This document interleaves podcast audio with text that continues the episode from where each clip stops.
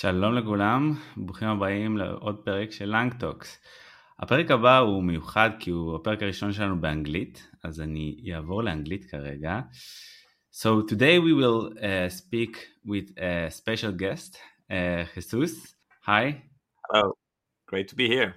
We will talk about knowledge graph. Um, we will take a use case, uh, a really interesting use case that involve um, how you can really benefit from knowledge graph and working with LLMs.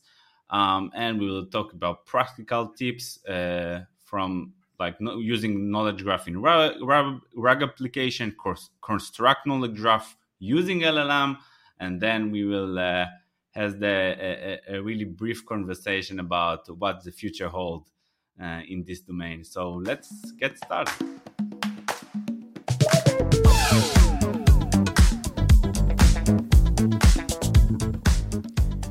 Today, Jesus uh, with us. Jesus, you want to introduce yourself?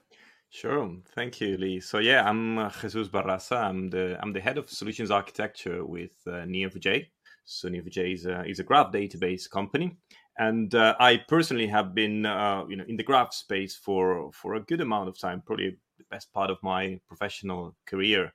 So um, I would say I'm, I'm, an expert in, in knowledge graphs. I've uh, recently authored with my colleague Jim Webber uh, the O'Reilly book, uh, Building Knowledge Graphs. So that's uh, the, the, most recent thing we've been working on.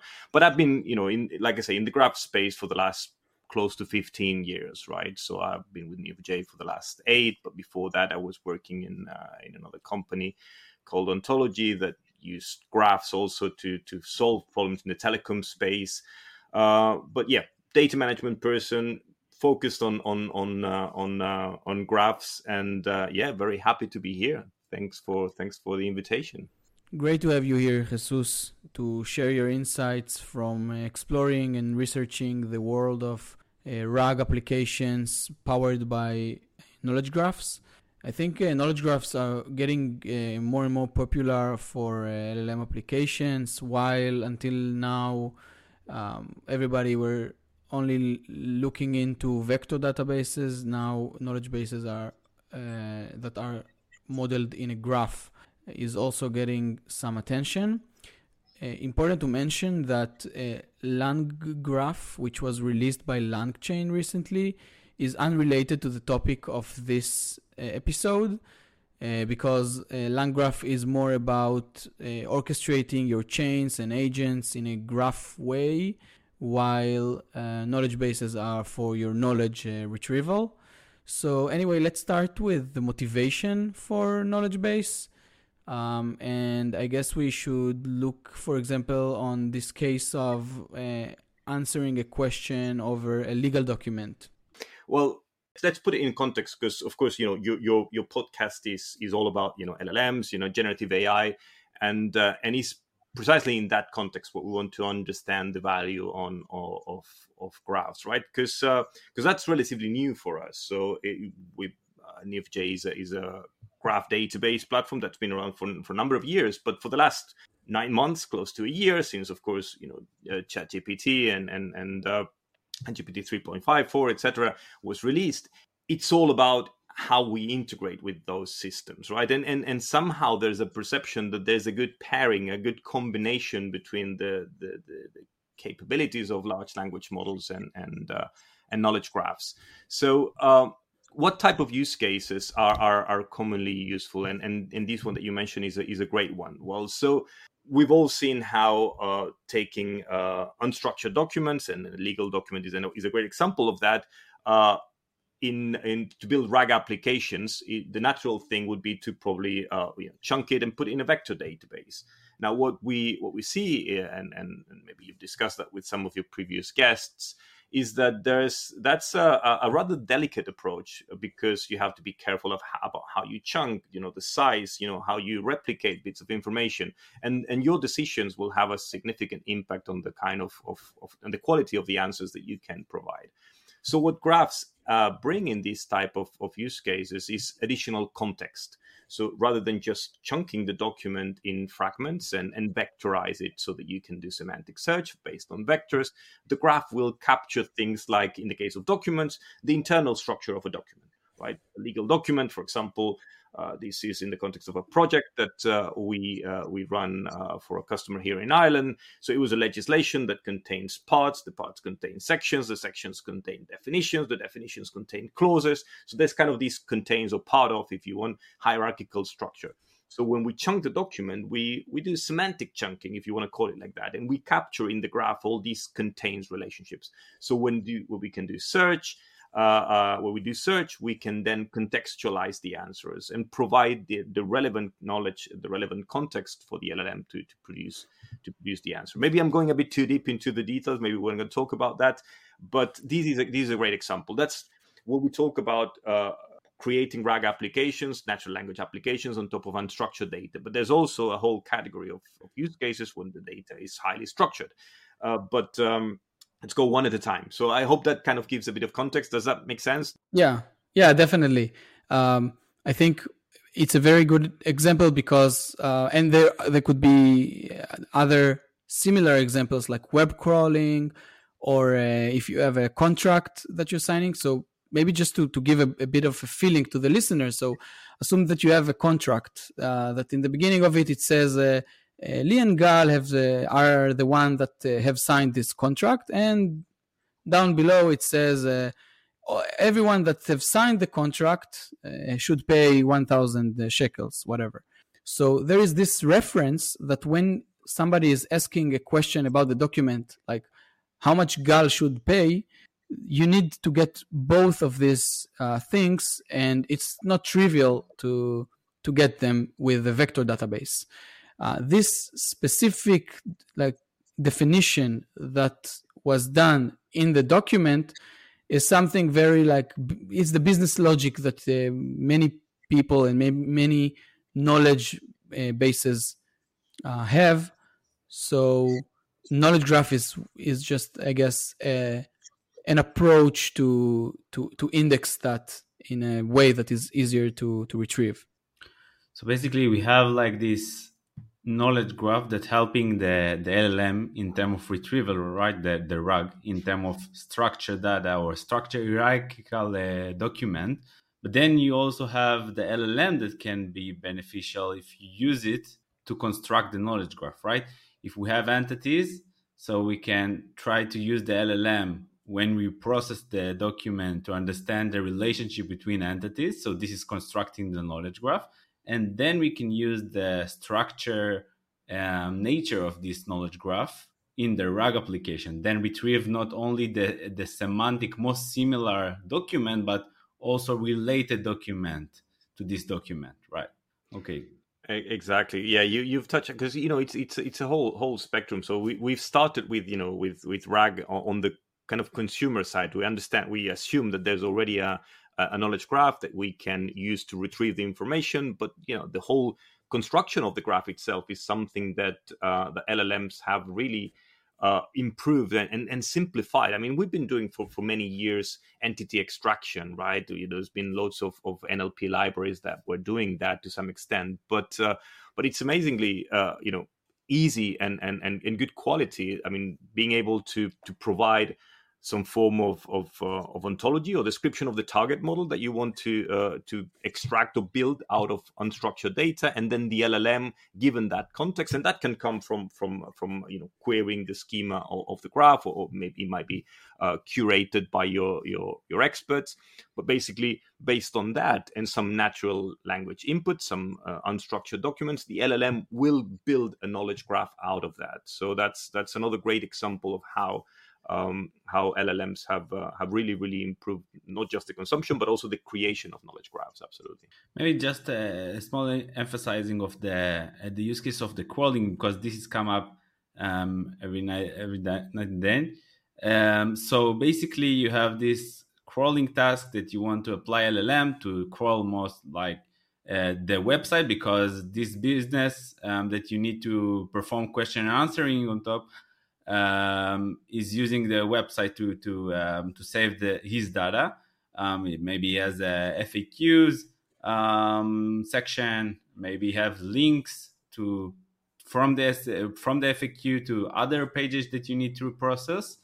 Um, so in this use case, um, basically, I have I have a, a, a side note here. There's a, a, new tool called Clipper that basically take this HTML and convert it to Markdown, and then you also only retain the the structure that the structure base of the of the or the structure nature of the document, and then of course you can take that and and and uh, uh, ingest that to the knowledge graph and you can perform like web crawling and then dynamically retrieve document that that is linking that are linking to each other um, and then perform better RAG on top of that exactly. Yeah because uh, you know all all those uh, structural relationships like you know a, a, section within a section in in in the same document or even a hyperlink connecting two documents these are ultimately relationships. I mean we we haven't uh defined I mean, we assume that people are somehow familiar with graph with knowledge graphs but you know graph is you know graphs represent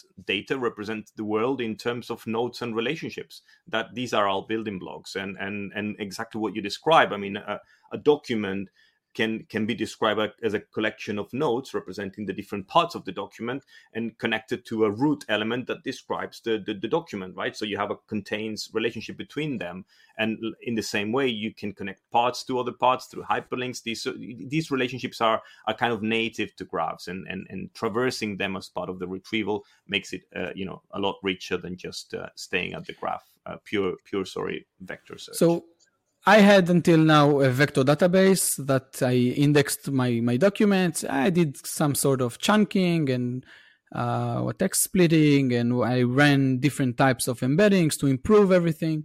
And now I'm faced into this new concept of knowledge graph, which sounds really interesting. And let's say I even implemented a knowledge graph. What's the mechanism, like how retrieval actually happens? Uh, because with vector databases, we know it's just uh, running this uh, semantic uh, similarity, performing some uh, re-ranking, KNN. It's like a sampling mechanism to get the out of the sorted list the most relevant uh, documents and choose K of them. So how can you maybe elaborate, Jesus, on the process of knowledge graph retrieval? Sure. Right. So, so a, a, knowledge graph is a, is a structured representation. So it's not just a list of vectors; is is a set of connected things, right? And these things can represent either domain entities like individuals, events, locations, or they can be parts of documents like we were describing before. It can be really whatever you you build into the graph. Now, uh, these structure typically can be queried and and we have a there, there's a number of standard query languages to to to, to query uh, graph databases but what's powerful is the combination of this uh, graph exploration based on on on either you know, just uh, uh, link navigation or querying of, of, of this uh, graph structure with vector search capabilities built into the knowledge graph. So what you can do is, uh, uh, like we said before, nodes are the building blocks of a graph. Nodes contain a number of properties, right, that describe the, the, the internal structure of a node. These properties might be the, the, the actual natural language text so you can embed that, uh, vectorize it, and include it in the vector index. Now you can combine vector search pretty much like you do in a vector database, but then you can contextualize by navigating the relationships that connect the parts in, in, in the graph. So if you want to compare it, I mean, you can do the, the plain vector search and you're fine. You will get the same type of behavior. But what's powerful is when you contextualize. So based on the initial results based on vector similarity, and that would be the typical cosine similarity, Euclidean similarity. Based on the highest scored ones, you can contextualize, and that means navigate out, explore, you know, what these nodes are related to, because sometimes you will retrieve relevant information that was not uh, uh part of the of the vector search results but it's still relevant. And that's the example for example we are talking before about the the legal document. Sometimes you have a definition of a of a term that you're interested in and the, the definition contains five clauses. And if you do just uh, return the the chunk the, the the top match that contains the term itself you might be missing these key uh, uh, uh, clauses that are part of the definition and that should be taken into context so this kind of expansion of the result is what the graphs provide. So it's kind of an, an enriched approach, uh, so something that builds on top of the of the of the vector search. So knowledge graph is really suitable for like multiple documents. I would say that involved in in the RAG. I see in many uh, use cases uh, companies and people are like have to refactor their uh, knowledge base. So every document so so to speak is self-contained. So instead of having this you know big document that uh, reference uh, one thing that reference references two other things. So they sit down maybe with the help of ChatGPT and just create multiple documents that each one of them is standalone and then put everything into a vector database which is is flat. Uh, you can think about it as something with no hierarchy, um, and trying to to find like the best uh, the best single document that uh, should be used. So I, I think as, as a rule of thumb, the more complex your context is, and the more uh, relationships there are in the in the knowledge base, and the more documents you expect to your LLM application to retrieve for each question, the better you use knowledge graph than than vector database. Absolutely, you're, you're spot on there. So the the the more important the context is, and the context being related documents, part of documents, you know, capturing these relationships in a knowledge graph will be extremely helpful to provide the the most precise and accurate uh, context to the to the LLM. So, maybe Jesus, if you can touch on like practically how in Neo4j, how we can uh, how can we use like your query language to retrieve document in like in use case of a RAG application? Sure. So typically, when we build uh, RAG applications uh, that use Neo4j for the retrieval part, we, we will use orchestrators like everyone else do, right? The, these are the lang chains, you know, the, the, the llama index, semantic kernel. I mean, you, you, you name it, right? And most of those already have uh, integrations, provide connectors to, to Neo4j, both the graph and the vector index in Neo4j. So it will, from a you know code point of view as a developer the experience would be very similar right? Instead of you know connecting to a, a vector database you will connect to the vector index in neo4j and you will do the same sort of, of uh, similarity search where you pass a, a, a string a natural language question that will be embedded then a vector search will be run and the results will be returned. The additional step there is that the, the vector index results uh, in neo4j can further be expanded. So basically, when you connect to the vector index, you can provide an additional uh, contextualizing query. And that can be more or less generic depending on the case, because you, you might want to build uh, some contextualizing queries that are very precise for a very specific model. And in that case, you can write, of course, you can write it in, in, in Cypher, is the, the, the query language that we use in Neo4j, but it can be more generic based on on patterns or based on on proximity analysis. So that's uh, that's um, typically the way the way things look like. So we're, we're talking about when we because of the initial question from Lee is like how do we compare to vector uh, vector databases right and and typically the entry point there would be through vector search similarity search in the vector space and then expansion but you, i think you mentioned gal before is that sometimes the retrieval part of a rag application is uh, is not necessarily based on the vector exclusively on the vector index, but also uh, could be a could could could involve the generation of a structured query. Sometimes you you express a question that can be answered unambiguously by a specific structured query. So the LLM can play the role of uh, you know translate, translating this natural language to structured query. We've seen examples of, of LLMs doing uh, generation of, of, of SQL. They're equally good at generating things like Cypher, and the approach is very similar. So they will uh, query the graph to extract the schema, the ontology. They will introspect the graph, basically, which are the entities, which are the relationships, which are the properties within the entities. And based on this understanding of the domain covered by the graph, then the LLM can generate uh, uh, structured queries that will return the answer in a structured fashion. And that's the context that's passed to the to the llm to provide the, the answer in the rag application. So you know both approaches are are, are valid and and both supported by the standard orchestrator that you are familiar with. Yeah by the, by the way this can be we, we are talking about a, a more uh, like an agent that has the ability to query the the knowledge graph. That can be an extra tool in the toolbox. So he can, for for example, you can add a tool with a description. If you want to understand some relationship about entities, um, you can query the graph. Um, so he can use this tool to enrich, but you can also use other tools like it can be combined with calculator or maybe so you can create an holistic agent that has the ability to understand entities and relationship between entities Absolutely. There's um there's um there's another great example. I can, I can probably send, share the, the the link after because uh, one of our colleagues wrote a blog post about it, and it was a kind of a support system, right, where there's information in the graph about teams, uh, tasks, and the tasks are associated to projects. And there's in the task there's a textual description of, of the task, and you can vectorize that. You can do vector search based on that, and if you if you have questions, the agent will determine this is a question about the task. But if it's something like uh, hey, how many, which is the team with more open tickets at the moment? That's not probably answered by individual descriptions of the tasks, but it's something that you can answer with a structured query. So the agent will determine well that type of questions will be answered by translating that question to uh, to to Cypher, and then the answer will be returned.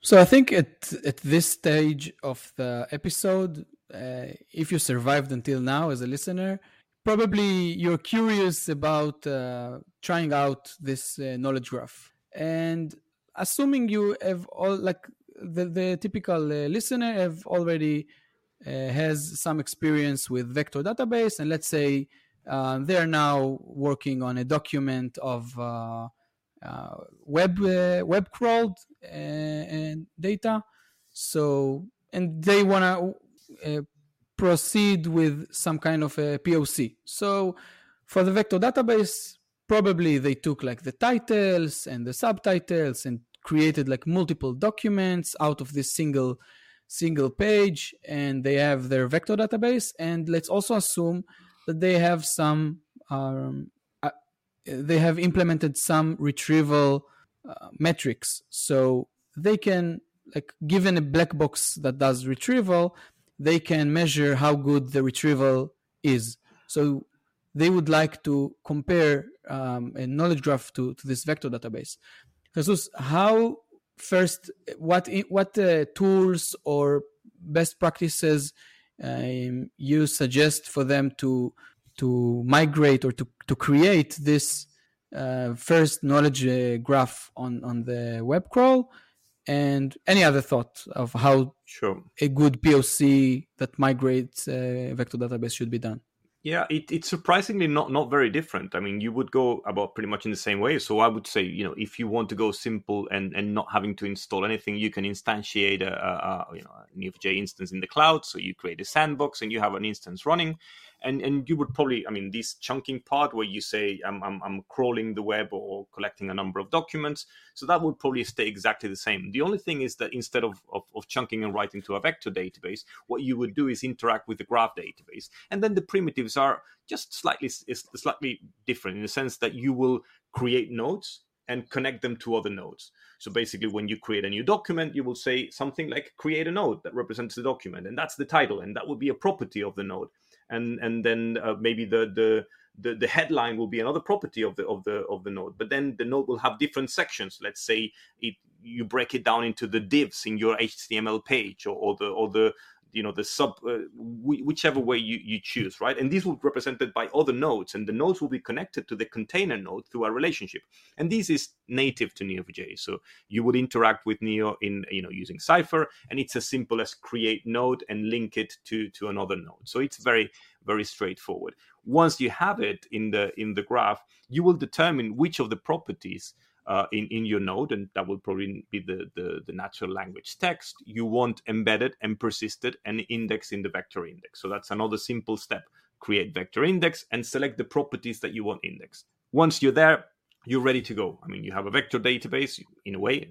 It's a graph database enriched with vector index, really, but you can interact with it pretty much in the same way, except that now you have the possibility of, like I said before, expanding. And and if you if you decide to go with something like LangChain, it would be pretty much uh, uh, you know the same, except that you will be able to inject these kind of contextualizing queries that enrich the results of your of your vector search. I hope I explained it. You know, it's it's some, some sometimes this is hard without having the code in front of you, but I'm sure we'll be able to share some some references for for your, your audience to to have a look at. Yeah, I think it makes sense. Just to add on this context, uh, if uh, if the you want to implement retrieval evaluation. Um, we shared some uh, knowledge in the previous episode uh, about the RAGAS scoring, which uh, has the retrieval metrics of context precision and context recall. So, uh, just adding this. So, in, in terms of the GraphDB, do I use it as a vector DB also? And if I use it as a vector DB, what should I embed? Like only the the nodes, the nodes and the vertices? Like, what should I do? How it how is different? I would say that there's two types of embeddings that you can create in in uh, in a graph database like Neo4j. So there's a there's a text embeddings, and and these will be the basically your choice is simple. I mean, you would embed the the text content that you will want to be asking questions on. So eh, if you, you know, if it's if it's a web page, it will probably be the text uh, the text part of it. In the in the case, for example, that I described before, when you have tasks like trouble tickets, maybe the, the, the description field plus the title plus the I don't know the, the the start you know the creation date I mean these sort of things it's it's really up to you which uh, which fields you want embedded but basically that's uh, that's domain dependent I would say is the ones that you want uh, to be able to do semantic search on that's uh, I would say would be the, the the natural way to do it. And then you know the the other part is just the natural exploration of the graph. So another point, um, this episode is uh, of course not affiliated with the Neo4j or something, and um, how should like I want to to speak specifically on how should um, someone consider like what consideration they should have when choosing a provider for their uh, knowledge graph uh, database. So what features are more important specifically for LLM applications and um, other considerations. Yeah, it, it's interesting because the, the the the RAG type of applications is is is very specific. I think I think it's important, for example, here because you know I would say that typically, I mean, what our, our customers care about is is things like performance, scale.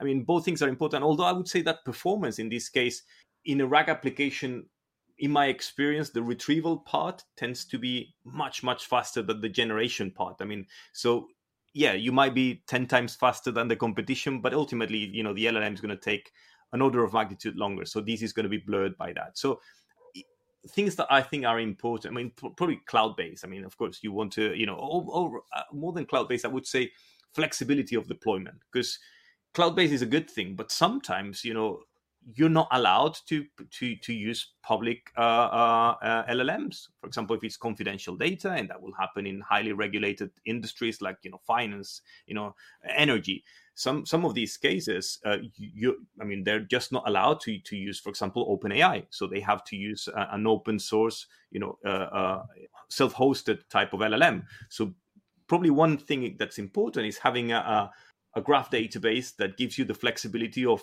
having a cloud deployment or on-premise or self self-hosted type of of, uh, of deployment. So that would be one thing.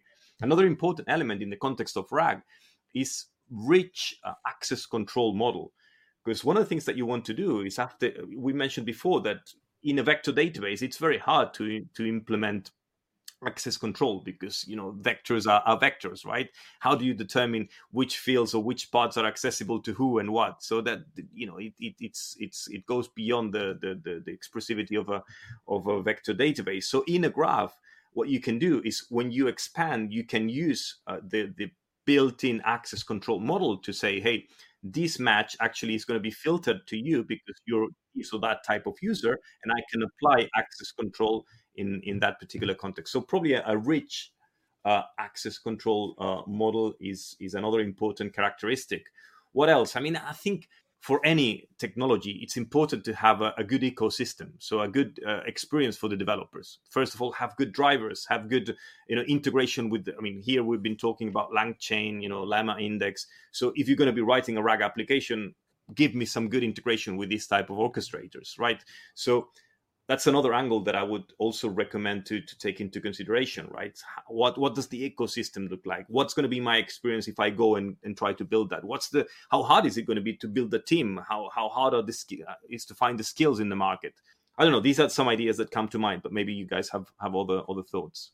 Maybe maybe one other thought is that it's very useful that the language of the query is declarative um, because then in the RAG application it can understand really the the query, right?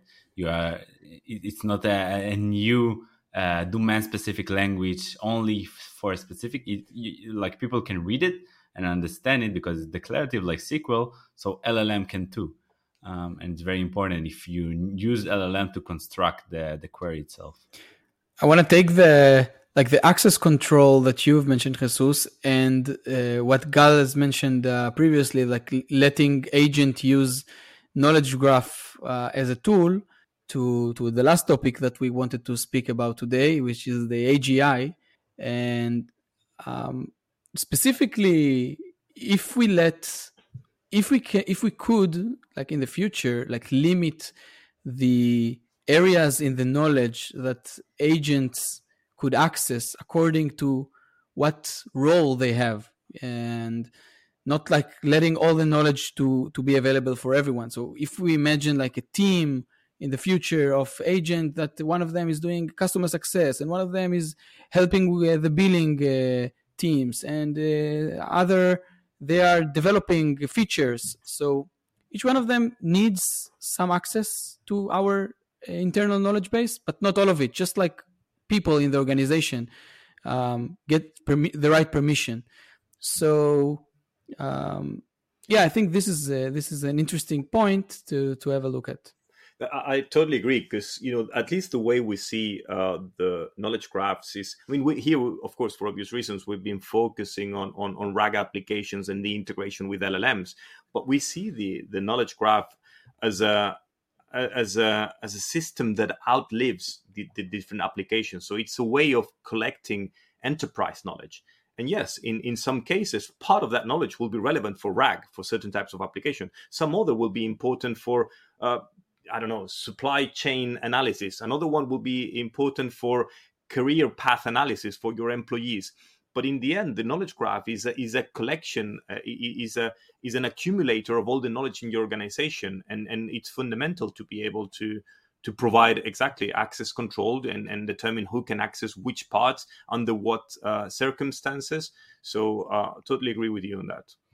So, as Lee mentioned, AGI. Um, so I want to ask both of you maybe, um, what do you see how how how the future hold for uh, the memory or the vector database or whatever for the AGI, the the memory system of the AGI. As as people, we think in uh, associative way, right? Because we think about something and then this remind us something else. It's it's more like a, a, a knowledge graph or maybe a graph. Um, but then the vector uh, stores today is pretty flat and it's not really mimicking what we are doing. So, what do you think about that? I, I, I agree with you. I think I think I mean to be honest, I think it's going to be a combination of the two. So because yes, we we uh we think by association, right? We we we connect things to other things, and and that's how and and and making that explicit is when we when we really understand things is when we connect the dots right? That's that's a, a way of, of, of understanding things.